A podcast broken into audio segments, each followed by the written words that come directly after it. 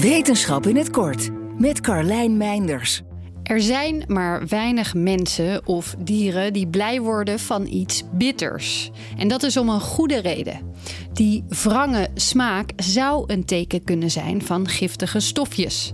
Het dient daarmee dus als een handige waarschuwing. Eet dit niet op. Maar wanneer is dit trucje ontstaan in het dierenrijk? Waarschijnlijk veel eerder dan werd gedacht.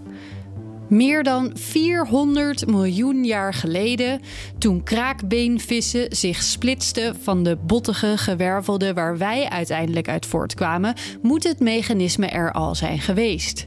Dat baseren wetenschappers op een onderzoek naar haaien, roggen en zaagvissen. Wij mensen en andere gewervelden hebben twee bitterreceptoren en zijn waarschijnlijk beter in staat bittere smaken te detecteren en uit elkaar te houden. Maar veel van de dieren uit het onderzoek bleken er ook eentje te hebben die lijkt op die van ons. Als wij ze hebben en deze dieren die zo lang geleden van ons afsplitsten ze hebben, dan zou dat kunnen betekenen dat een gedeelde voorouder ze ook al had.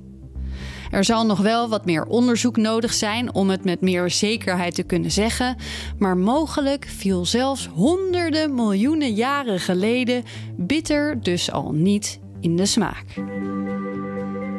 Wil je elke dag een wetenschapsnieuwtje? Abonneer je dan op Wetenschap vandaag. Luister Wetenschap vandaag terug in al je favoriete podcast-apps. Software. Uw bedrijf kan niet zonder.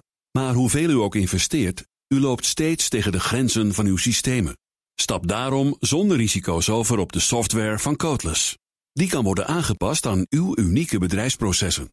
Welke ambities u ook heeft, uw software is er klaar voor. Kijk op slimsoftwarenabouwen.nl